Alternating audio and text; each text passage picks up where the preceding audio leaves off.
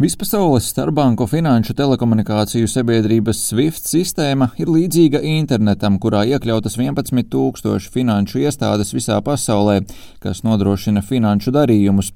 Tā saslēdz pasaules valstis, lai nodrošinātu ātru un ērtu norēķināšanos.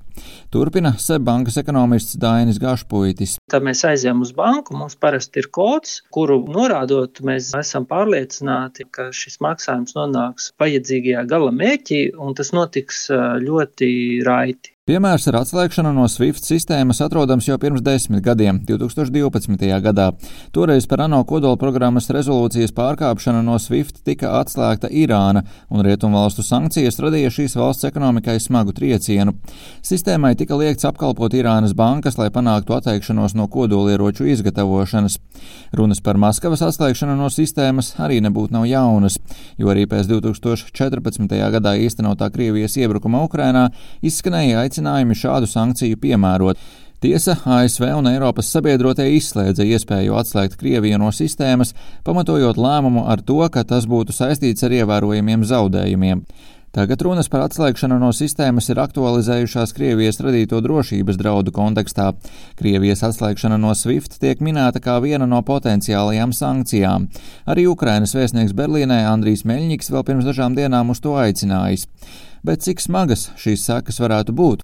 Kā 2015. gadā izteicās toreizējais polijas ārlietu ministrs Gžegošs Hetina, sankciju kontekstā SWIFT ir pielīdzināms kodolierocim. Tas esot galīgais līdzeklis un visi to labi apzinoties. Arī Vācijas Kristīgo demokrātu savienības līderis Friedrichs Merts to salīdzināja ar kodolbumbas sprādzienu pasaules ekonomikā. Ja valsts bankām tiek liekts izmantot SWIFT banku komunikācijas tīklu, tam ir plašas sekas uzņēmējdarbībai, jo institūcijas pēc tam faktiski tiek atslēgtas no starptautiskās ieņēmumu plūsmas. Bez piekļuves SWIFT ir daudz grūtāk pārskaitīt naudu valsts ietvaros un ārpus valsts. Turpina ekonomists Dainis Gašpuitis. Primārais sitiens būs pa pašas Krievijas ekonomiku, kur var saskarties ar ļoti lielām problēmām, tādēļ, ka visa asinsrite tiek burtiski apstādināti. Pēc diskusijām par Krievijas atslēgšanu 2014. gadā toreizējais Krievijas finanšu ministrs Aleksējs Kudrīns norādīja, ka valsts iekšzemes koprodukts saruktu par 5%. Tomēr atslēgšana ievērojami ietekmētu arī rietumus, kas bijis būtisks, ja ne galvenais iemesls, kādēļ šī sankcija nav tikusi izmantota līdz šim.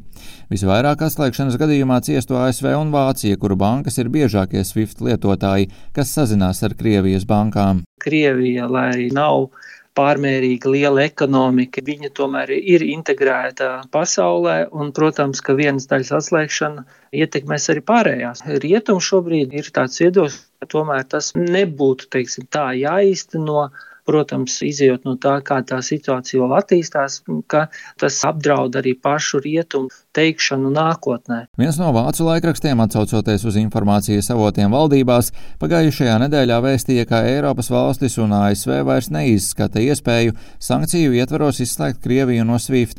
Tā vietā tiekot apspriesta iespēja ieviest mērķētas ekonomiskās sankcijas pret lielām Krievijas bankām.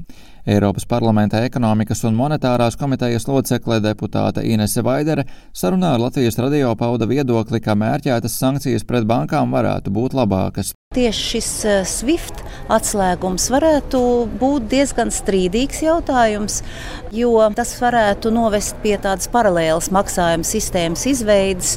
Tāpēc es domāju, ka iespējams, ka daudz labāks risinājums būtu veikt sankcijas pret tām bankām, kuras ir iesaistītas dažādos eh, nevēlamos darījumos. Daļa ekspertu domā, ka ilgtermiņā ietekme Krievijā varētu nebūt tik efektīva, kā varētu šķist, jo jebkura valsts agri vai vēlu var pielāgoties.